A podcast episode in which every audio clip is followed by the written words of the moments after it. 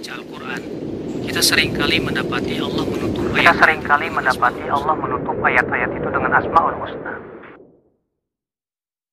Bismillah, Assalamualaikum warahmatullahi wabarakatuh. Alhamdulillah, wassalatu wassalamu ala rasulillah, wa ala alihi wa sahbihi wa man wala, wa ba'd. Pemirsa Asia TV yang dirahmati Allah di mana pun Anda berada, puji dan syukur kita kepada Allah Subhanahu wa Ta'ala karena atas limpahan nikmat karunia taufik dan juga hidayah, dan juga nikmat-nikmat yang tak terhingga yang sampai saat ini kita masih rasakan. Alhamdulillah kita kembali berkumpul di stasiun televisi kesayangan kita bersama, Rosyad TV, saluran dakwah keluarga Islami. Dan tak lupa salawat dan salam semoga senantiasa, tercurah untuk uswah sana kita, makhluk termulia yang pernah hidup di atas dunia, Rasul kita Rasulullah Muhammad Sallallahu Alaihi Wasallam, dan semoga salawat itu senantiasa tersambung untuk istri-istri beliau, sahabat-sahabat beliau, keluarga-keluarga beliau, dan juga orang-orang yang teguh memegang dan menjalankan sunnah beliau sampai hari kiamat nanti. Pemirsa TV yang dirahmati Allah, seperti biasa, setiap harinya, setiap pekannya pada hari Kamis, uh, Rosyad TV mempersembahkan kajian online live streaming serial kajian kitab dan insya Allah Ta'ala kita akan membahas uh, kitab Fikih Asmaul Husna yang insya Allah Ta'ala akan disampaikan oleh guru kita Ustadz Abu Yahya Badu Salam LC Hafizullah Ta'ala yang disiarkan langsung dari kediaman beliau uh, dan insya Allah Ta'ala bagi Anda semua pemirsa Rosyad TV yang ingin bergabung bersama kami silakan nanti untuk bisa mengirimkan pertanyaan bagi Anda yang saat ini sedang menyaksikan siaran ini lewat platform digital lainnya seperti YouTube, Instagram. Anda bisa memasukkan pertanyaan Anda di kolom komentar.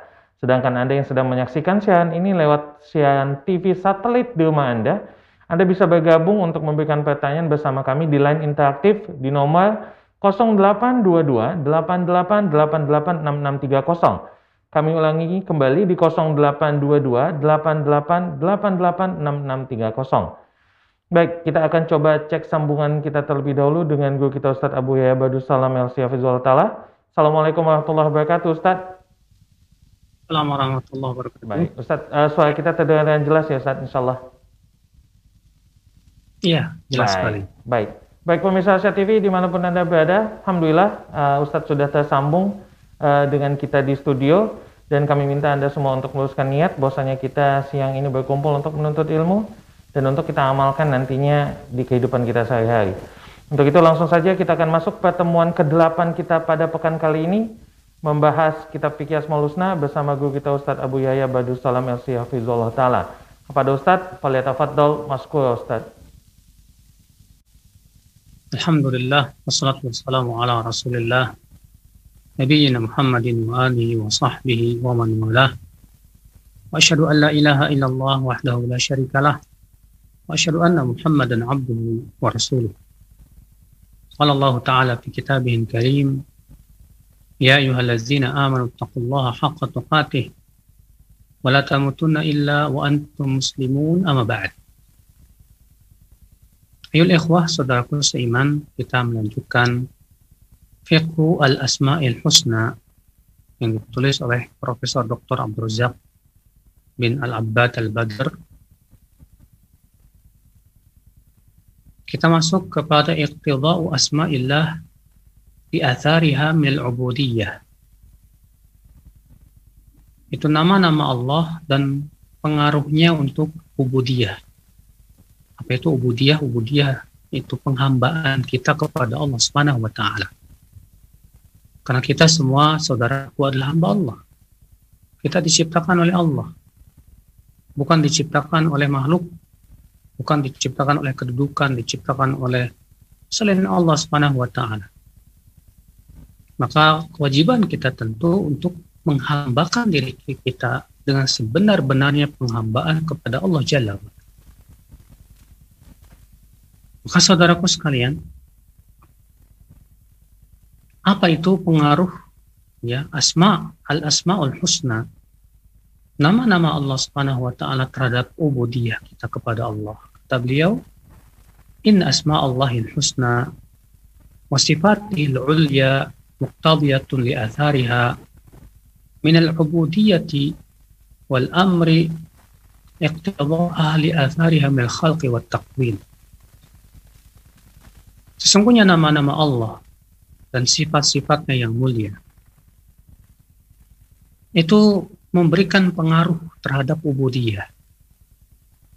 Sama halnya dengan pengaruh ya terhadap penciptaan dan perbuatan Allah Subhanahu wa taala yang telah kita bahas sebelumnya. Kata beliau, wal hadithu huna fi iqtidaiha li athariha min ubudiyah. Dan pembicaraan kita sekarang adalah pengaruh ya asmaul husna terhadap ubudiyah. Contohnya apa? Ya, daripada ubudiyah itu kal khudur, seperti khudur. Ya, dari kata khudu'a yang artinya ketundukan. Karena konsekuensi sebagai seorang hamba, dia harus tunduk kepada penciptanya, saudara. Ya. Wal dan dhul itu merendahkan dirinya di hadapan pencipta. Wal khusyur. Demikian pula khusyur. Ya. Itu dia betul-betul khusyuk di hadapan Allah Subhanahu wa taala saat ibadah kepadanya wal inabati dan kembali kepada Allah. Ya saat kita berbuat maksiat kita segera kembali kepada Allah. Saat kita jauh dari zikir kepada Allah dan jauh dari ibadah, kita segera kembali kepada Allah. Wal khasyah, demikian pula takut yang disertai dengan keilmuan. Warahbah, demikian pula takut yang disertai dengan lari ya dari yang kita takuti. Ini karena khusyah dan rohbah itu adalah dua-duanya mempunyai makna takut. Namun kata Syekh Utsaimin rahimahullah, khusyah itu adalah takut yang disertai dengan ilmu. Sedangkan rohbah adalah takut yang disertai kita lari ya dari sesuatu yang kita takuti wal mahabbah dan cinta. Wat tawakkuli dan tawakal wa dzalika min anwa'il ibadati zahirah wal batinah. Dan ibadah-ibadah yang lain. Baik itu ibadah yang sifatnya lahir maupun ibadah yang sifatnya batin. Fa inna kulla ismin min asma'illah wa min lahu ubudiyatun hiya min muqtadayatiha wa min mujibatil ilmi biha wa tahaqquqi bi ma'rifatiha. Karena kata beliau, setiap sifat dari sifat-sifat Allah itu memiliki ubudiyah yang khusus padanya, yang itu merupakan konsekuensinya. Ya. Dan juga keharusan ketika kita berilmu tentangnya watahaqquk bima'rifatiha dan realisasian dengan, dengan mengenalnya. Wahada mutaridun fi jami'i anwa'il ibadah ibadati allati ya 'alal qalbi wal jawarih. Dan kata beliau ya, ini berlaku pada semua macam-macam ibadah. Yang ibadah itu ada pada hati dan anggota badan. Wabayanu dhalik, penjelasannya begini kata beliau. أن العبد إذا علم بتفرد الرب تعالى بالضر والنفع والعطاء والمنع والخلق والرزق والإحياء والإماتة فإن ذلك يثمر له له عبودية التوكل على الله باطنا ولا ولوازم التوكل وثمراته ظاهرة Contohnya kata beliau, apabila seorang hamba yakin bahwa Allah itu Maha Esa. Ya, Esa itu akhir tidak disebut Esa kecuali kalau tidak ada tandingan. Kalau masih ada tandingan, ya, maka tidak disebut Esa. Makanya Allah Subhanahu wa taala ketika mengatakan kul huwallahu ahad, katakanlah Allah yang ahad, Esa. Allah mengakhiri surat tersebut dengan firman-Nya apa? Walam yakul lahu kufuwan ahad. Tidak ada yang bisa sebanding dengan Allah. Tidak ada tandingannya. Maka disebut Esa kalau tidak ada tandingannya. Kalau masih ada tandingannya tidak disebut esa, saudara. Maka kalau di dalam Pancasila ada namanya ketuhanan yang Maha Esa. Maka ketika dikatakan ketuhanan yang Maha Esa artinya apa? Tuhan yang Esa yang tidak ada tandingannya. Ya. Maka kalau ada orang yang mengakui adanya Tuhan selain Allah, berarti sama saja mengatakan ada tandingan buat Allah, berarti belum Esa. Ya, makanya yang benar-benar merealisasikan sila pertama dari Pancasila, ketuhanan yang Maha Esa hanyalah kaum muslimin, saudara. Yang punya keyakinan bahwa Allah lah yang Esa, tidak ada tandingan bagi Allah. Ya. Sementara selain Allah makhluk yang membutuhkan dan fakir kepada Allah Jalla wa Nah ini harus diyakini oleh seorang hamba. Bahwa Allah itu Esa, dan Allah bersendiri dalam memberikan manfaat dan mudarat. Makhluk tidak bisa memberikan manfaat, tidak pula bisa memberikan mudarat kecuali dengan izin Allah. Wal apa wal mana. Tidak ini Allah yang bersendirian dalam memberi dan menghalangi. Ya, Allah yang memberikan rezeki. Siapa yang Allah berikan rezeki pasti dapat rezeki walaupun seluruh manusia menghalangi. Dan siapa yang Allah halangi dari rezeki, pasti nggak dapatkan nggak dapat rezeki walaupun seluruh manusia berusaha memberinya. Hanya Allah Subhanahu wa taala yang bersendirian dalam melakukan ini. Iya. Demikian pula Allah bersendirian dalam menghidupkan dan mematikan. Inilah makna daripada Esa, saudara. Maka kata beliau, kalau kita punya keyakinan ini, maka ini akan membuahkan ibadah tawakal kepada Allah Subhanahu wa taala secara sempurna. Ya. Bagaimana tidak akan bertawakal sementara si hamba ini yakin Allah lah yang bisa memberikan manfaat dan mudarat. Manusia kalau Allah tidak izinkan tidak akan bisa. Maka ia tawakal kepada Allah saja. Ya. Beda dengan tawakal kepada makhluk, akhi. Makhluk lemah. Kita tawakal kepada makhluk. Ya, berarti kita tawakal kepada sesuatu yang lemah, yang tidak bisa memberikan manfaat, tidak pula bisa memberikan mudarat. Tidak bisa memberikan rezeki, tidak bisa menghidupkan dan mematikan. Maka orang yang tawakalnya kepada sesuatu selain Allah dia akan menjadi makhluk yang paling lemah. Lihatlah orang-orang yang tawakal kepada jimat, kepada penangkal. Ketika jimat atau penangkalnya itu ketinggalan, dia menjadi orang yang paling ketakutan sedunia. Ya, ketakutan sekali. Karena tawakalnya kepada selain Allah Jalla wa'ala. Ya. Saudaraku seiman, Beda dengan orang yang tawakalnya hanya kepada Allah. Maka pada waktu itu karena tawakal kepada Allah itu buah daripada keyakinan bahwa Allah satu-satunya zat yang bisa memberikan manfaat dan mudarat. Dia yang Esa dalam memberikan rezeki, dia yang Esa dalam menghidupkan dan mematikan. Allahu Akbar, saudaraku sekalian. Allah Ta'ala berfirman dalam surat Al Qur'an ayat 58. Wa tawakkal 'alal hayyil ladzi la yamut. Wasabbih bihamdihi wa kafa bihi bi ibadihi. Wa tawakkal dan tawakallah kamu. Alal hayyil ladzi la yamut. Kepada Allah yang maha hidup dan tidak akan pernah mati. Wasabbih bihamdi. Dan sucikanlah dia dengan memujinya. Wa kafabihi bidhunubi ibadihi khabira. Dan cukuplah Allah yang akan mengabarkan dosa-dosa hambanya. Subhanallah ya ikhwah. Ya Allah subhanahu wa ta'ala menyuruh Rasulnya yang mulia ya untuk bertawakal hanya kepada Allah. Dan bahwasanya dia Allah yang maha hidup dan tak akan pernah mati. Sementara manusia, jin, dan seluruh makhluk itu akan mati, saudara maka bagaimana kita akan bertawakal kepada sesuatu yang akan mati?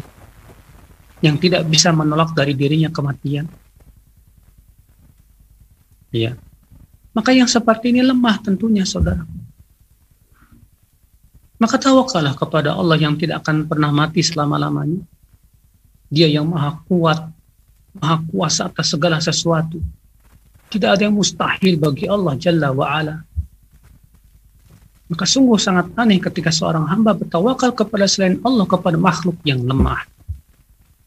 Ya, itu menunjukkan akan ya orang ini ya akhwal Islam telah dipalingkan oleh Allah Subhanahu wa taala ya dari mentauhidkan Allah Jalla wa ala. Allah juga berfirman dalam surat Asy-Syu'ara ayat 217. Wa tawakkal 'alal 'azizir rahim alladzi yaraka hina taqum wa taqallubaka fis sajidin. Wa tawakkal 'alal 'azizir rahim dan tawakallah kamu kepada Allah yang Al-Aziz, yang Maha Perkasa, Ar-Rahim, lagi Maha kasih sayang kepada hamba-hambanya. Subhanallah ketika kita beriman bahwa Allah Aziz, perkasa, ya mampu untuk mengadab hambanya dengan sekonyong-konyong bagi Allah itu mudah. Ya, ketika kita yakin bahwa Allah perkasa dan Allah sayang kepada hambanya, maka tentunya menjadikan kita hanya tawakal kepada Allah Jalla wa'ala, tidak kepada yang lain. Maka Allah mengatakan, wa tawakkal 'alal azizir rahim, alladzi yaraka hina taqum, yang melihat kamu saat kamu berdiri. Wa taqallubaka fis sajidin dan melihatmu ketika kamu berada ya bersama orang-orang yang sujud. Allah tahu dan melihat di mana saja kita berada. Allah juga berfirman dalam surat Al-Muzammil ayat 9, Rabbul Masyriq wal Maghrib, la ilaha illahu, wakila. Rabbul Masyriq wal Maghrib. Dialah Allah Rabb pemilik timur dan barat.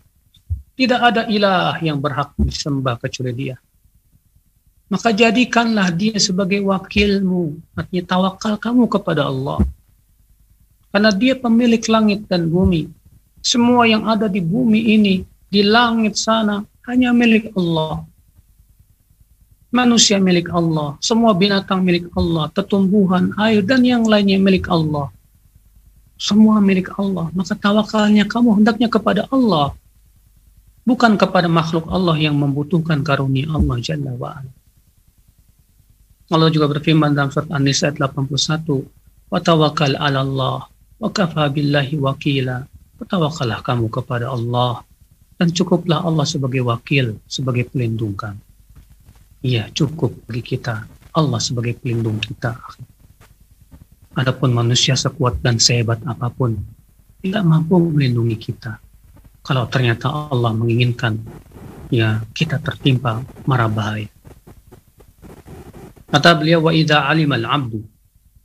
Lianna Allah sami'un basirun alimun la yakhfa alaihi mithqalu dzarratin fis samawati wal ard. Wa annahu ya'lamu sirra wa akhfa apabila seorang hamba ya yakin seyakin yakin bahwasanya Allah mendengar melihat mengetahui tidak tersembunyi kepada Allah Subhanahu wa taala sebesar biji sawi pun baik di langit maupun di bumi dan bahwasanya Allah mengetahui yang rahasia maupun yang tersembunyi. Wa ya'lamu kha'inatal a'yun wa ma sudur. Dia pun yakin bahwa Allah tahu mata yang berkhianat. Ya. Dan apa yang tersembunyi di hati Allah tahu. Wa annahu tabaraka wa ta'ala ahata bi kulli syai'in ilma wa ahsa kulli syai'in adada. Dan bahwasanya Allah tabaraka wa ta'ala ilmunya mencuk, mencuk, apa, meliputi segala sesuatu dan Allah mampu menghitung segala sesuatu. Faman alima bistila'illahi alaih wa ru'yatihi lahu wa ihatatihi bihi fa inna dhalika yuthmiru lahu hifdhan lisani wal jawah wa khataratil qalb min kull an kulli ma la yurdillah maka kalau si hamba yakin ini akhir bahwa Allah mengetahui dirinya. Allah mendengar, Allah melihat. Allah Subhanahu wa taala mengetahui apa yang ada di hatinya. Maka itu bisa membuahkan apa? Kata beliau. membuahkan untuk menjaga lisan. Ingat, semua yang kamu ucapkan Allah mendengar. Menjaga khataratul qalb, bahkan pikiran-pikiran yang ada di pikiran kita kita jaga karena Allah tahu. Kita sedang memikirkan apa, Allah tahu. Ya. Jaga dari semua yang membuat Allah tidak ridho, saudara. Ketika seorang hamba hendak memikirkan maksiat, dia langsung sadar Allah tahu tentang pikiran. Ketika seorang hamba meyakini Allah mendengar, dia mau mengucapkan ya sesuatu yang tidak diridhoi oleh Allah, maka dia tidak berani. Coba deh, antum pikirkan baik-baik. Kalau antum berada di sebuah ruangan yang di situ banyak disimpan CCTV, di pojok-pojoknya tersedia CCTV dan antum diawasi.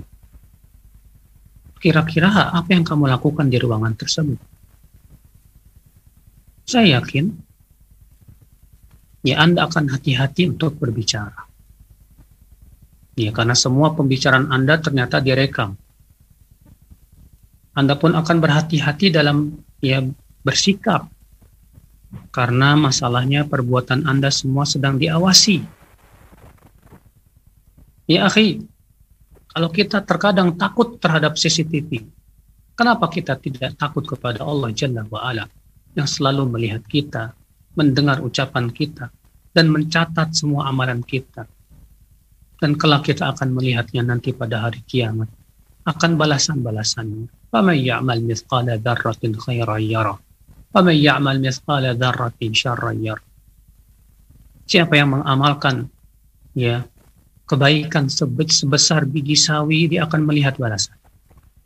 Dan siapa yang melihat apa mengamalkan amalan keburukan walaupun sebesar biji ya darah maka dia akan melihat ya balasan. Saudaraku seiman. Maka subhanallah ya akhi, kalau kita punya keyakinan seperti ini, Allah melihat ketika sendiri pun kita nggak berani. Beda dengan orang yang keimanannya kepada Allah kurang. Rasa takut kepada Allah kurang. Dia tahu bahwa Allah melihatnya tapi tidak peduli. Seakan-akan Allah tidak akan mampu, tidak mampu untuk mengadab dia sekonyong-konyong, saudara. Berapa banyak orang yang ketika sendiri dia berani melanggar perintah Allah berani melanggar larangan Allah Subhanahu wa taala. Ya di hadapan manusia terlihat dia kelihatan takwa. Tapi ketika dia sendiri dia tidak takut kepada Allah Jalla wa ala. Maka yang seperti ini kata Rasulullah SAW, ya kelak ia akan dihancurkan amalan-amalannya sebagaimana dalam Abu Daud demikian. Ya, bahwa nanti kata Rasulullah SAW pada hari kiamat akan datang seorang hamba yang membawa pahala-pahala sebesar gunung Tuhama, gunung Tihama. Kemudian Allah hancur leburkan amalannya. Ketika Rasulullah ditanya, siapa itu wahai Rasulullah? Kata Rasulullah itu orang, Idza khalau bimaharimillah intahakuha. Apabila dia bersendirian, ya dengan keharaman-keharaman Allah, dia berani melanggar. Rupanya ia takutnya hanya kepada manusia, dia tidak takut kepada Allah. Allah Ta'ala berfirman dalam surat Al-Alaq ayat 14, Alam ya'lam bi anna Allah yara. Apa dia tidak tahu bahwasanya Allah melihat? Allah juga berfirman, Wattaqullaha inna Allah sami'un alim. Bertakwalah kamu kepada Allah. Sesungguhnya Allah mendengar lagi maha mengetahui. Allah juga berfirman wa'malu i'malu ma syi'tum innahu bima ta'maluna basir. Silahkan kamu lakukan apa yang kamu mau. Sesungguhnya Allah melihat perbuatan kamu dalam surat Fusilat ayat 40. Allah juga berfirman wa'lamu anna Allah ya'lamu ma fi anfusikum fahdharu. Ketahuilah bahwasanya Allah mengetahui apa yang ada pada diri kamu, maka waspadalah kamu. Hati-hati kamu. Allah maha mampu loh. Ya, untuk memberikan kepada kamu adab. Ya kalau kamu di dunia diberikan adab saja takut. Tapi tahukah kamu bahwasannya adab di akhirat lebih berat dari itu? Ya. Berkata Al-Hafiz Ibn Rajab, Rawada rajulun imra'atan fi falatin laylan fa'abat. Faqala laha, ma yarana illa al-kawakib. Faqalat fa'ina mukawkibuha. Ibn Rajab berkata ada seorang laki-laki merayu seorang wanita untuk berzina dengannya di sebuah padang pasir. Lalu kemudian laki-laki ini berkata kepada wanita ini, tidak ada orang yang tidak ada orang yang melihat kita. Yang melihat kita hanya bintang-bintang. Lalu wanita ini berkata, lalu di mana pencipta bintang-bintang itu? Allahu Akbar. Ya. Itulah iman, saudara. Keimanan yang luar biasa. Umar bin Khattab radhiyallahu anhu, ya pernah suatu malam beliau berjalan ya untuk memeriksa. Kemudian beliau pun beristirahatlah di sebuah dinding rumah. Lalu kemudian terdengarlah suara di dalam rumah itu. Ya, seorang ibu berkata kepada anak wanitanya, Nah, Sudahlah, kita campur saja susunya itu dengan air. Biar keuntungannya lebih banyak, nak. Iya. Jangan, ibu, kata si anak itu. Ini tidak boleh. Umar bin Khattab radhiyallahu anhu melarang melarang itu. Apa kata si ibu? Tapi Umar tidak melihat, nak. Apa kata anak wanita ini? Fa'ina Rabbu Umar? Lalu di mana Tuhannya Umar? Bukankah Tuhannya Umar itu melihat? Allahu Akbar. Ya. Mendengar ini Umar kagum sekali dengan keimanan wanita ini. Luar biasa. Keesokan harinya Umar pun kemudian ya mendatang mendatangi wanita apa rumah tersebut dan meminang anak wanita tersebut untuk anaknya Ya, subhanallah. Naam saudaraku. Jangan kamu mengatakan, ya, ah udahlah kita kan nggak kelihatan sama Pak Polisi. Pak Polisi nggak lihat, tapi mencipta Pak Polisi melihat. Ketika kamu berkata, ah kita kan nggak kelihatan sama atasan kita. Atasanmu tidak melihat, tapi yang di atas itu Allah Jalla wa'ala melihat. Di mana iman? Di mana akidah kita kalau begitu saudaraku? Bahwasanya Allah selalu melihat kita. Wa idza alimal abdu bi anna Allah ghaniyyun karim barrun rahim wasi'ul ihsan tabaraka wa ta'ala ma'a ghinah an ibadihi fahuwa muhsinun ilaihim rahimun bihim yuridu bihimul khair ويكشف عنهم الضر. لا لجلب منفعة إليهم من العبد ولا لدفع مضرة بل رحمة منه وإحسانا. فهو سبحانه لم يخلق خلقه ليتكثر بهم من قلة ولا ليعتز بهم من ذلة. wala wala wala kama qala ta'ala wa ma khalaqtul jinna wal insa illa liya'budun. Ma uridu minhum min rizqin wa ma uridu an yut'imun. Inna allaha huwa razzaqu kata beliau memberikan contoh berikutnya. Kalau seorang hamba yakin bahwa Allah maha kaya dan Allah maha dermawan.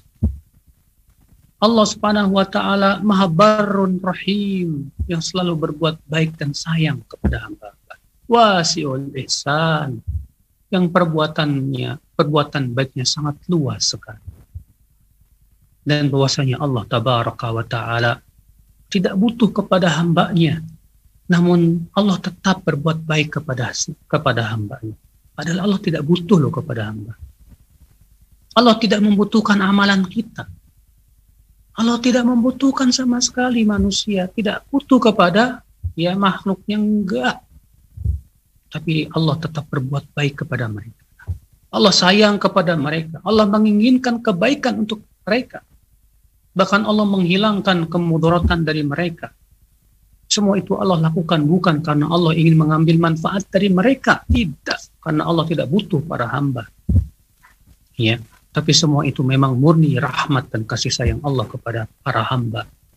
Allah menciptakan para hamba bukan karena Allah ingin memperkaya diri, tidak karena Dia Allah yang Maha Kaya. Ya. Tidak. Allah yang menyuruh para hamba untuk beribadah kepadanya bukan karena Allah ingin mereka ngasih rezeki kepada Allah. Allah tidak butuh itu. Justru manusia yang butuh kepada rezeki.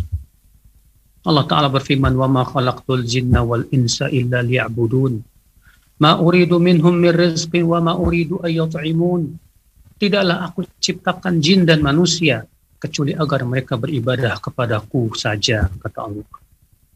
Aku tidak mengharapkan dari mereka rezeki dan aku pun tidak mengharapkan mereka memberi makan kepadaku. Allah nggak butuh itu. Ya, Allah nggak butuh loh kepada sholat kita. Tapi kalau kita sholat tetap dikasih sama Allah pahala. Kalau kita Allah nggak butuh loh kepada infak dan sedekah kita. Tapi kalau kita sedekah tetap Allah kasih pahala yang berlipat ganda. Masya Allah, Subhanallah, ya akal Islam. Lihatlah bagaimana kasih sayang Allah yang luar biasa itu. Ya. Allah juga berfirman, وقل الحمد لله الذي لم يتخذ ولدا walam yakul lahu fil mulki walam yakul lahu waliyum minadzulli wa kabbirhu takbira. Katakanlah segala puji bagi Allah yang tidak mengambil anak dan tidak memiliki sekutu dalam kerajaannya. Ya dan tidak memiliki wali. Ya dari karena apa? Kerendahan tidak. Akan tetapi Allah tidak butuh itu semuanya. Maka besarkan Allah dengan sebesar banyak besarnya. Dalam hadis Qudsi Allah Ta'ala berfirman, Ya ibadi, innakum lan tablughu naf'i fatanfa'uni, wa lan tablughu dhurri fatadurruni. Hai hamba-hamba, kalian tidak akan bisa memberikan manfaat kepadaku. Juga kalian tidak akan bisa memberikan mudarat kepadaku, Ya, artinya apa yang kamu amalkan berupa amalan soleh itu buat kamu. Yang kamu lakukan berupa maksiat itu keburukannya buat kamu. Sama sekali tidak memberikan mudarat kepada Allah. Maka kalau kita yakin ini saudaraku bahwa Allah maha kaya. Kekayaan Allah luar biasa. Sampai-sampai kata Rasulullah dalam hadis Qudsi, Wahai anak Adam, kalaulah ya generasi awal kamu sampai generasi akhir kamu. Berkumpul semuanya di sebuah padang pasir. Dan setiap mereka minta kepada Allah dan setiap mereka Allah kabulkan permintaannya. Ma'azada fi mulki syai'an. Maka kata Allah, itu tidak menambah kerajaanku sedikit pun juga. Mana qasamin mulki syai'an itu tidak mengurangi kerajaan Allah dan kekayaan Allah sedikit pun juga. Illa kama yanqusul mikhyatu idza udkhilal bahra. Kecuali seperti berkurangnya air laut ketika dimasukkan jarum yang kecil. Subhanallah. Allah Maha Kaya. Allah tidak butuh kepada hamba. Fa'idha alimal abdu dhalika asmara fi quwwatar raja' Maka kalau si hamba yakin kepada ini, kepada nama ini, ya akhi, maka ini membuahkan apa kekuatan berharap kepada Allah. Ya wa tama'ahu fi ma'indah di mana ia tamak kepada pahala yang ada di sisinya. Wa inzala jami'i hawaijihi bih dan mengadukan semua kebutuhannya kepada Allah saja. Wa idhara iftiqarihi ilaihi wa ihtiyajihi lah dan ia pun juga memperlihatkan kefakirannya dia kepada Allah saja. Ya. Ya, karena dia yakin Allah Maha Kaya. Manusia sekaya apa pun kalau kita minta cemberut. Ya. Manusia sekaya apa pun dia miskin. Dia fakir kepada karunia Allah. Sedangkan Allah Maha Kaya yang apabila kita semakin banyak meminta Allah semakin cinta kepada dia. Seorang hamba semakin banyak berdoa dan minta kepada Allah, semakin Allah pun cinta kepada hamba ini. Kenapa? Karena si hamba ini Latif mengakui bahwa Robnya maha kaya dan bahwasanya dirinya fakir kepadanya. Allah berfirman, Ya ayuhan nas, antumul fuqara'u ilallah, wallahu huwal ghaniyul hamid. Wahai manusia, kalian itu semua fakir semuanya kepada Allah. Kalian semua butuh kepada Allah. Dan Allah lah yang maha kaya lagi maha terpuji saudara. Iwallah. Warraja'u yuthmiru anwa'al ubudiyah al-zahirah wal batin. Ketika harapan kita kuat kepada Allah akhir. Ya kita hanya berharap pahala di sisi Allah. Maka ini akan membuahkan banyak sekali ibadah-ibadah yang lahir maupun yang batin. Iwallah. Ya. Saat itulah si hamba akan lebih mengharapkan akhirat daripada dunia. Karena dia sadar dunia sementara. Dunia akan yatalasya, segera akan hilang. Sementara akhirat itu khairu wa abqa, lebih baik dan lebih kekal. Maka ia ber, ber, lebih berharap kepada apa yang ada di sisi Allah. Maka di, situ, di saat itulah muncul ya akhi ubudiyah yang luar biasa kepada Allah Jalla wa'ala. وإذا علم العبد بأدلة الله وانتقامه وغضبه wa intiqamihi فإن هذا يثمر له الخشية والخوف والحذر والبعد hadha yuthmiru lahu. Contoh lain kata beliau. Kalau si hamba yakin bahwa Allah Maha Adil dan Allah mampu untuk membalas dendam. Allah punya sifat murka dan marah dan Allah mampu memberikan sanksi dan siksa. Maka ini membuahkan rasa takut kepada Allah. Waspada dari adab Allah.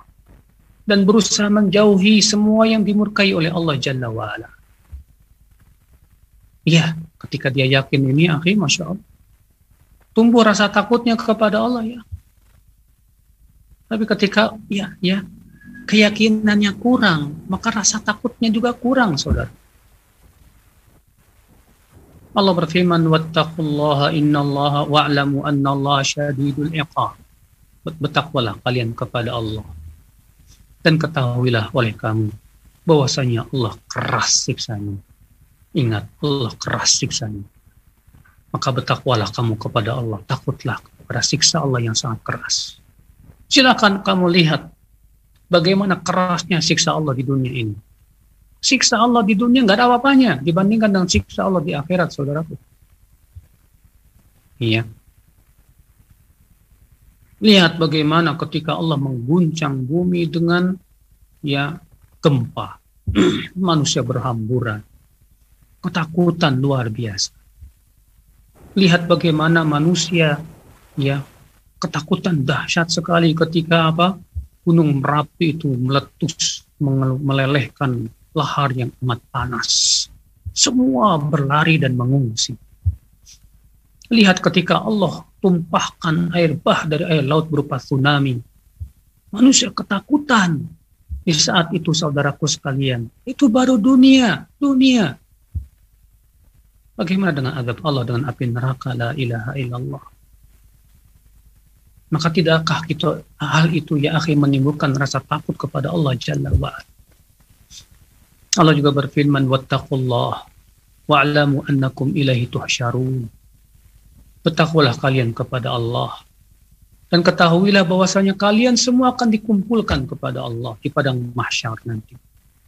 Dan di sana setiap kalian akan diberikan balasan masing-masing. Allah juga berfirman dalam surah Al-Baqarah 209, "Fa in zalaltum min ba'di ma ja'atkumul bayyinat fa'lamu anna Allah azizun hakim." Jika kalian ya menyimpang setelah datang kepada kalian keterangan maka ketahuilah bahwasanya Allah Maha Aziz, Maha Perkasa, lagi Maha Bijaksana. Ya, Allah mampu untuk mengadab kalian loh. Jangan macam-macam kalian. Ya dengan janji dengan ancaman Allah Subhanahu wa taala. Wa idza alima al-'abdu bi jalalillahi wa 'azamatihi wa uluwihi ala khalqihi dhatan wa qahran wa يثمر fa inna hadha yuthmiru lahu al-khudu'a wal wal wa jami'an ibadah. Contoh lain. Apabila seorang hamba yakin bahwa Allah Maha Agung, Maha Besar dan Maha Tinggi. Maha tinggi zatnya, maha tinggi kekuasaan dan kedudukan. Maka ini menimbulkan apa yang akhirnya al-khudu ketundukan. Walistikana wal mahabbah ya. Ketundukan kekhusyuan dan cinta dan semua ibadah. Sebagaimana Allah taala berfirman dzalika bi anna Allah huwal haq wa anna ma yad'una min dunihi huwal batil wa anna Allah huwal aliyul kabir. Yang demikian itu bahwasanya Allah lah yang hak dan bahwasanya yang mereka seru selain Allah itu adalah batil dan bahwasanya Allah yang maha tinggi lagi maha besar. Allah juga berfirman wa huwal aliyul azim dan dialah Allah yang maha tinggi lagi maha agung. Allah berfirman juga dalam surat Az-Zumar ayat 67 wa ma qadarullah haqqa qadrih wal ardu jami'an qabadatuhu yaumal qiyamati was samawati matwiyatun bi yaminih subhanahu wa ta'ala amma yusyrikun mereka tidaklah menghormati Allah dengan sebenar-benar penghormatan. Sedangkan nanti pada hari kiamat kata Allah bumi semuanya akan digenggam oleh Allah. Langit akan dilipat dan dipegang oleh tangan tangan kanan Allah. Maha suci Allah dan maha tinggi dia dari apa yang mereka sekutukan. La ilaha illallah. Ya akhal Islam. Ya, di manakah ketundukan kita kepada Allah Jalla wa Ala? Saat kita berbuat maksiat kepada Allah, kita tidak sadar bahwa Allah Subhanahu wa taala ya akhi maha kuat lagi maha keras rasanya. Maka seorang hamba yang yakin akan sifat-sifat Allah, dia menjadi hamba yang tunduk dan patuh.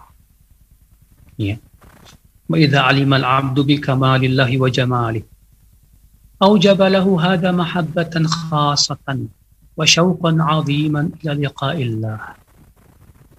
apabila seorang hamba ya, yakin akan kesempurnaan sifat Allah.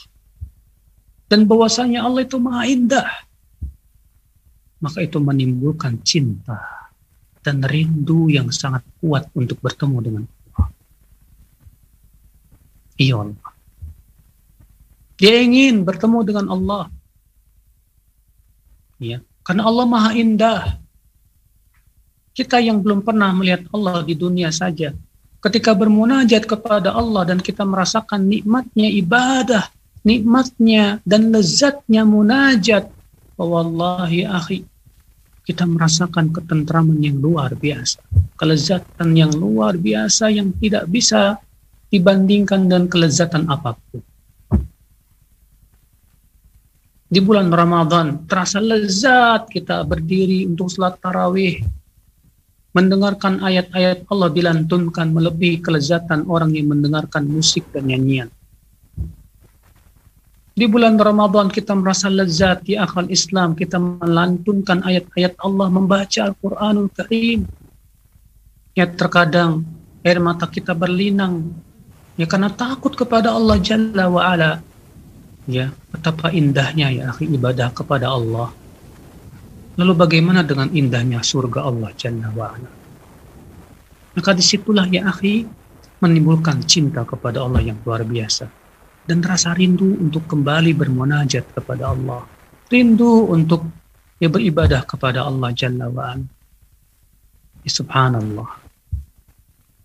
Ya maka hati seperti ini hati yang paling indah di dunia, saudara. Dia sudah merasakan keindahan surga dunia. Itu mengenal Allah Jalla wa'ala. وبهذا يعلم أن العبودية بجميع أنواعها راجعة إلى مقتضيات الأسماء والصفات. Maka dengan ini bisa diketahui saudaraku bahwa semua macam-macam ibadah itu timbul dari mengenal nama dan sifat Allah Subhanahu wa taala. Walihada fa innahu yata'akkadu ala kulli 'abdin muslim an ya'rifa rabbah wa ya'rifa asma'ah wa sifatihi ma'rifatan sahihatan salimatan. Oleh karena itu kata beliau, ya, sangat ditekankan sekali seorang hamba yang muslim untuk mengenal Robnya, mengenal nama dan sifatnya dengan pengenalan yang benar dan selamat. Ya'lama ma tadamat wa atharuha, mengenal apa yang terkandung dalam nama dan sifat Allah dan juga mengenal pengaruh-pengaruhnya yang dahsyat. Wa mujibatil ilmi biha. Demikian pula ya konsekuensi dari berilmu tentang nama dan sifat tersebut. Fahafa bihada yaqdumu haddul abdi. Maka dengan cara inilah keberuntungan seorang hamba menjadi agung dan besar, saudaraku sekalian. Nah, saudaraku.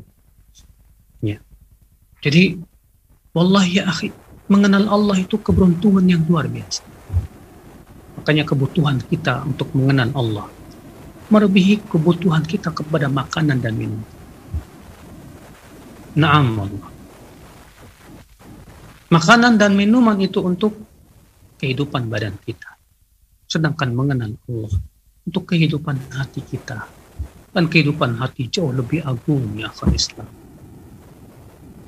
Kata beliau, Innal mu'min al-muwahid yajidu bi imanihi wa yaqini bi asma'i rabbihil husna wa sifatihi al-ulya ad-dalati ala azamatillah wa kibriyaihi wa tafarrudihi bil jalali wal jamal ma yajzibuhu ila ijtima'i hammi ala Allah hubban wa tadallula khushu'an wa inkisara raghaban wa rahaba raja'an wa tamaha. Seorang mukmin yang mentauhidkan Allah.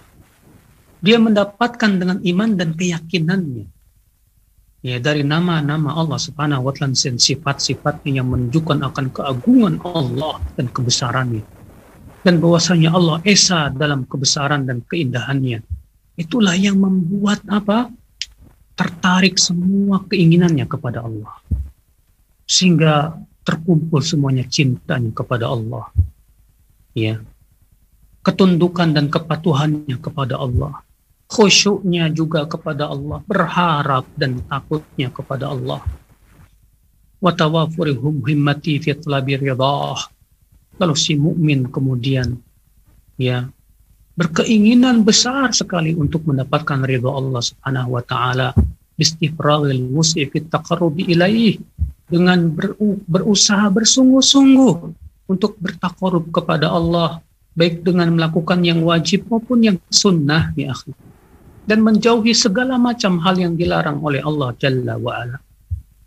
Sehingga pada waktu itu ya akhi seorang hamba semakin ia dicintai oleh Allah, semakin ia dekat kepada Allah, semakin hatinya pun diberikan oleh Allah berbagai macam kebahagiaan yang tidak bisa diucapkan oleh lisan dan kata-kata. Allah, inilah memang tujuan kita hidup di dunia. Dengan itulah kita bisa meraih surga Allah Jalla wa Ya, baik, saya kira cukup sampai di sini. Insya Allah, ya, pada pertemuan yang akan datang kita akan lanjutkan dengan pembahasan selanjutnya. Nah. Baik Ustaz, jazakallah khairan barakallahu fikum Ustaz atas materi yang sudah disampaikan. Baik, pemirsa TV yang dirahmati Allah di mana pun Anda berada, kita akan membuka line telepon bagi Anda yang ingin langsung berinteraksi dengan Ustaz lewat line telepon Silakan untuk menelpon di nomor telepon 0822 88886630. Kami ulangi di 0822 88886630. Dan bagi Anda yang saat ini sedang menyaksikan acara ini lewat platform digital lainnya, Anda bisa langsung untuk memberikan pertanyaan di kolom komentar. Baik Ustadz, ini kita akan masuk pertanyaan pertama Ustadz. Assalamualaikum warahmatullahi wabarakatuh Ustadz. Uh, tadi Ustadz Tadi Ustadz sudah menyampaikan bahwasanya banyak sekali orang-orang yang memang menggunakan jimat-jimat dan bersandarkan kepadanya. Nah, cuman ada kasus seperti ini Ustadz.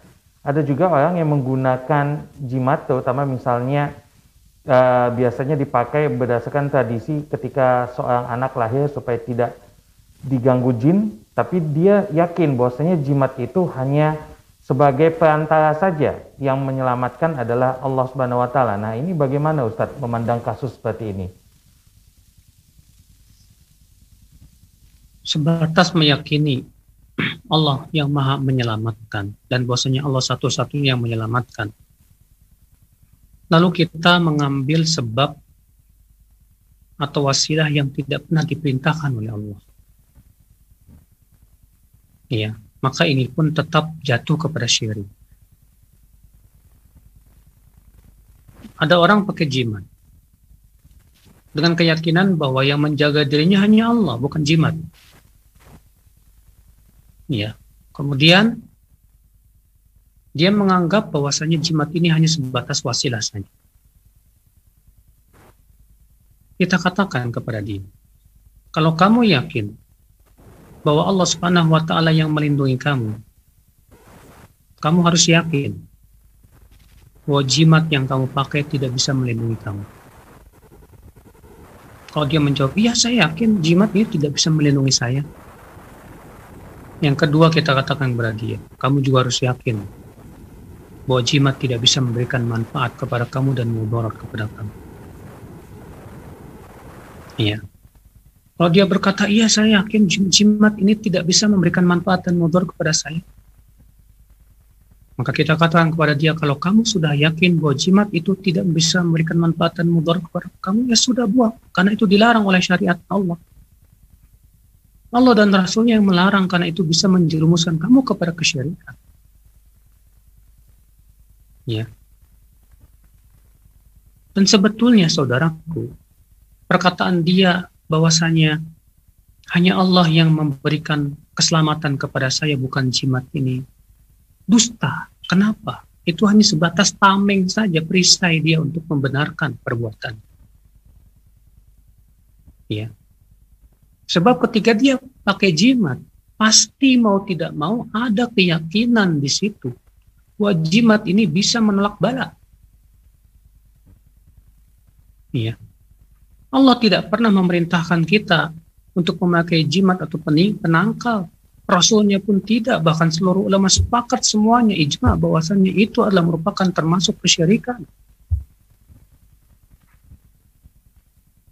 Maka sungguh saudaraku, ya perkataan ini adalah perkataan yang tidak paham hakikat tawakal. Ya, di mana seorang hamba yang pakai jimat, manusia yang pakai jimat, pastilah hatinya bersandar kepada jimat, walaupun lisannya berkata, saya bersandar hanya kepada Allah. Tidak mungkin. Sebab kalau dia bersandarnya hanya kepada Allah, dia buang jimat itu. Kita tidak butuh jimat, kita tuh hanya butuh kepada Allah Jalla wa Ala saja. Iya. Mungkin dia akan berkata, terus kita ya mau berperang tanpa senjata gitu. Kan senjata itu hanya sebatas wasilah untuk melindungi diri kita. Ya, kita pakai baju besi dan yang lainnya. Kita katakan beda, beda. Jangan samakan antara dua perkara yang beda, saudaraku munculnya berbagai macam kesesatan itu di antaranya adalah menyamakan dua perkara yang berbeda atau membedakan dua perkara yang sama. Ibnu Qayyim demikian. Itu munculnya berbagai macam kesesatan. Ketika kamu samakan ini dengan jimat penangkal, maka kamu sudah jatuh kepada kesalahan yang dahsyat. Jimat untuk menolak bala dari sesuatu yang sifatnya gaib, Sementara jimat sebetulnya tidak bisa memberikan perlindungan sama sekali, tidak bisa memberikan manfaat dan mudarat sama sekali. Ya. Ketika hati kamu ya ketakutan ketika jimat kamu ketinggalan, itu saja sudah sangat bukti yang sangat luar biasa. Yang sangat jelas kepada kita buat tawakal kamu kepada jimat bukan kepada Allah Jalla wa Saudaraku seiman, azani Allah wa ya. Kalau alat-alat perang Rasulullah SAW melakukannya betul. Beliau pakai baju besi, beliau juga pakai pedang dan panah. Karena memang itu perkara yang disyariatkan. Ya. Makanya kaidah yang harus kita pahami, akhi. Ya, mengambil sebab sesuatu yang tidak pernah disyariatkan dan tidak pernah dijadikan oleh syariat sebagai sebab ini bisa masuk dalam kesyirikan. Nah, demikian. Ya Allah wa'ala. Nah, Baik, jazakallah khairan Ustaz barakallahu fikum atas uh, jawaban yang sudah disampaikan. Baik Ustaz, ini ada penanya berikutnya dari line telepon kita. Kita coba sapa terlebih dahulu. Assalamualaikum warahmatullahi wabarakatuh. Waalaikumsalam warahmatullahi wabarakatuh. Dengan Ibu siapa di mana? Ibu Halimah dari Riau. Baik, Ibu Halimah dari Riau, silakan untuk langsung bertanya kepada Ustadz, Ibu. Assalamualaikum warahmatullahi wabarakatuh, Pak Ustaz. Assalamualaikum warahmatullahi wabarakatuh. Begini Pak Ustaz, saya mau tanya, apa tanda-tanda tanda-tandanya mencintai dan menyayangi karena Allah dan membenci karena Allah dan bagaimana cara untuk menghilangkan kalau memang itu bukan mencintai karena Allah. Terima kasih Pak Ustaz. Jazakallahu khairan. Assalamualaikum warahmatullahi wabarakatuh. Waalaikumsalam warahmatullahi wabarakatuh. Iya. Coba ibu tanya pada diri ibu. Ibu mencintai teman ibu itu karena apa? Karena kekayaannya kah? Atau karena dia suka bantu ibu kah? Atau karena satu ikatan partai kah? Atau karena satu organisasi kah? Bila jawaban ibu tidak, saya mencintai dia karena dia orangnya soleh. Ya, dia saya mencintai dia karena dia bertakwa kepada Allah. Akhlaknya bagus. Maka kalau ibu mencintai dia karena itu berarti ibu memang mencintainya dia karena Allah. Ketika ibu benci kepada dia tanya, kenapa ibu benci kepada dia? Saya benci sama dia, ya, karena dia, ya, sama saya ini kurang loyal. Oh iya, kamu benci kepada dia kenapa bu? Karena dia beda partai sama saya. Ibu benci kepada dia karena apa? Karena dia ya tidak pernah memberi saya. Ini semua benci bukan karena Allah. Tapi ketika ibu berkata saya benci dia karena dia suka ber ber berbuat maksiat kepada Allah. Saya benci kepada dia karena dia ya selalu menyalahi perintah Allah. Maka berarti benci ibu karena Allah. Walaupun terkadang benci, terkadang tidak harus kita perlihatkan. Ya, jika khawatir orangnya malah tambah lari dari jalan Allah Subhanahu wa taala. Maka coba ibu tanya, ya, ibu cintanya karena apa? Dan bencinya karena Allah, maka karena apa? Maka dari situlah akan terlihat ya, ibu cintanya karena Allah atau bukan. Demikian. Allah Nah. Baik Ustadz, Jazakallah khairan Ustaz, Barakallahu fikum atas jawabannya. Semoga tadi bisa menjawab pertanyaan Ibu yang ada di kota Pekanbaru. Baik, kami kembali mengundang pemirsa Asia TV yang ingin uh, langsung bertanya kepada Ustadz bisa di line telepon 0822 88886630. Kami ulangi di 0822 88886630. Dan bagi Anda yang saat ini sudah menyaksikan siaran ini lewat platform digital lainnya, baik itu lewat YouTube, Instagram ataupun Facebook, silakan untuk memberikan pertanyaan di kolom komentar. Insya Allah ta'ala jika masih ada waktu, kita akan sampaikan pertanyaan yang sesuai dengan tema kepada Ustadz. Kita akan coba sapa kembali nih, sepertinya sudah ada yang tersambung di line telepon kami. Assalamualaikum warahmatullahi wabarakatuh. Salam. Dengan Ibu siapa di mana? Dengan Bapak siapa di mana? Begini Ustaz, anak saya dijadikan imam imam sholat sholat di yang lima waktu itu. Jadi yang mau tanya, apakah boleh saya mengikut dia sekolah imam? Karena ada yang dikhawatirkan kawan-kawannya dia zina. Itu aja. Apa boleh saya imam sama dia? Apa enggak? Kenapa Pak? Maaf, eh, dikhawatirkan anak Bapak kenapa Pak?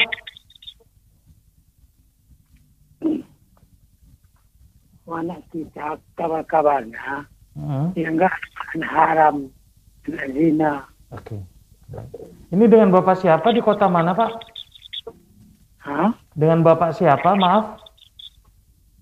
Yang Pak Suharto dari Pasaman. Oke, Pak Suharto dari Pasaman. Insyaallah taala nanti pertanyaan disampaikan ke Ustadz ya, Pak. Jazakallah khairan ya Pak Suharto.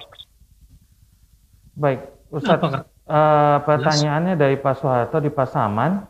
Beliau ini punya anak yang eh, dijadikan imam sholat lima waktu. Dan pertanyaan Pak Suharto adalah boleh nggak saya menjadi makmum anak tersebut karena anak tersebut adalah anak hasil zina atau anak haram menurut Pak Soeharto. Ustadz. Seperti itu pertanyaan Ustadz. Iya. Pertama,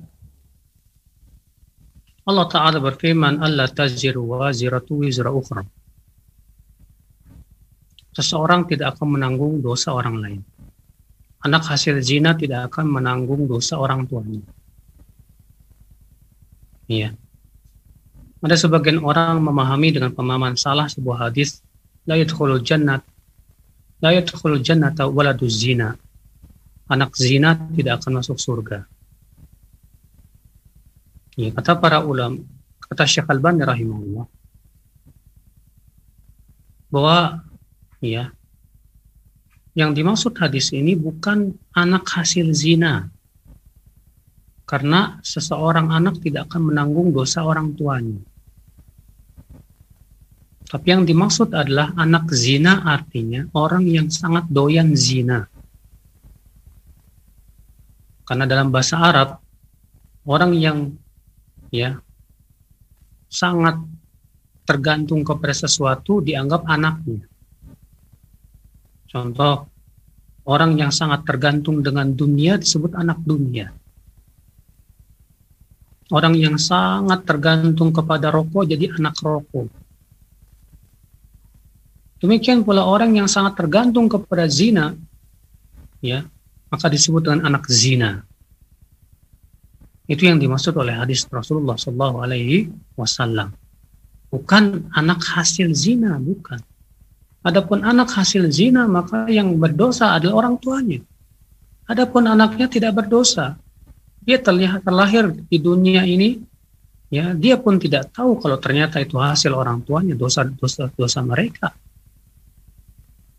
Maka ya Bapak kalau ternyata itu adalah anak hasil zina, ya artinya Bapak dahulu berzina dengan ibunya di luar nikah, kewajiban Bapak adalah bertaubat kepada Allah dengan taubat yang nasuh, memohon ampun kepada Allah. Adapun sholatnya Bapak di belakang dia itu sah, tidak apa-apa. Allah Nah, Baik Ustaz, jazakallah khairan barakallahu fikum. Semoga uh, pertanyaan Pak Suharto tadi bisa terjawab dengan yang sudah disampaikan oleh Ustaz. Dan Ustaz ini karena waktunya juga sudah habis, mungkin Ustaz bisa memberikan penutup untuk pertemuan kita pada pekan kali ini Ustaz. Tafadhol Ustaz. Iya, jadi saudaraku bahwa nama-nama Allah dan sifat-sifatnya sangat berpengaruh di dalam ibadah kita. Seorang yang merasakan kenikmatan ibadah karena akibat daripada ia mengenal nama dan sifat Allah.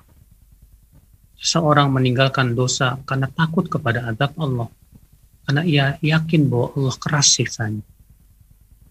Seseorang yang semangat kepada kebaikan dan ketaatan karena ia tahu bahwa Allah yang memiliki surga dan bahwasanya Allah Maha berterima kasih dengan memberi pahala kepadanya seorang yang akal Islam ketika sendirian ia takut kepada Allah karena dia tak yakin bahwa Allah melihat dirinya dan mengawasinya. Itu menimbulkan sifat yang luar biasa dahsyat sekali beda dengan orang yang tidak kenal Allah. Ya. Atau kurang keimanannya kepada Allah, dia tidak peduli halal dan haram. Tidak ada rasa takut dia kepada Allah. Bahkan semua maksiat dia lakukan karena dia kurang yakin akan adanya pertemuan dengan Allah ya akan adanya kehidupan akhirat Allah musta'an maka dari itulah saudaraku kenalilah Allah Kenalilah nama dan sifat Allah agar kita menjadi hamba yang benar-benar ya meng menghambakan diri kita kepada Allah secara sempurna. Demikian wabillahi taufik. Assalamualaikum warahmatullahi wabarakatuh. Waalaikumsalam warahmatullahi wabarakatuh. Jazakallahu khairan barakallahu fikum Ustaz atas uh, materi yang sudah disampaikan pada pertemuan kita ke-8 pekan kali ini. Dan untuk pemirsa Asia TV yang dirahmati Allah di mana pun Anda berada, dengan demikian baik sudah seluruh pertemuan kita pada kajian online live streaming serial kajian kitab Fikih Asmaul Husna bersama guru kita Ustadz Abu Yahya Badu Salam El Syafizullah Ta'ala. Kami seluruh kerabat kajian bertugas mohon maaf jika tidak semua pertanyaan bisa kami sampaikan pada Ustadz. Insya Allah Ta'ala kita akan bertemu kembali pada hari Kamis pekan depan di waktu yang sama pukul 13.30 waktu Indonesia bagian Barat tentunya di stasiun televisi kesayangan kita bersama Rosya TV, saluran dakwah keluarga Islami. Kita tutup dengan doa kafatul majlis. Subhanakallahumma bihamdika. Asyhadu an la ilaha illa anta ilaik. Assalamualaikum warahmatullahi wabarakatuh.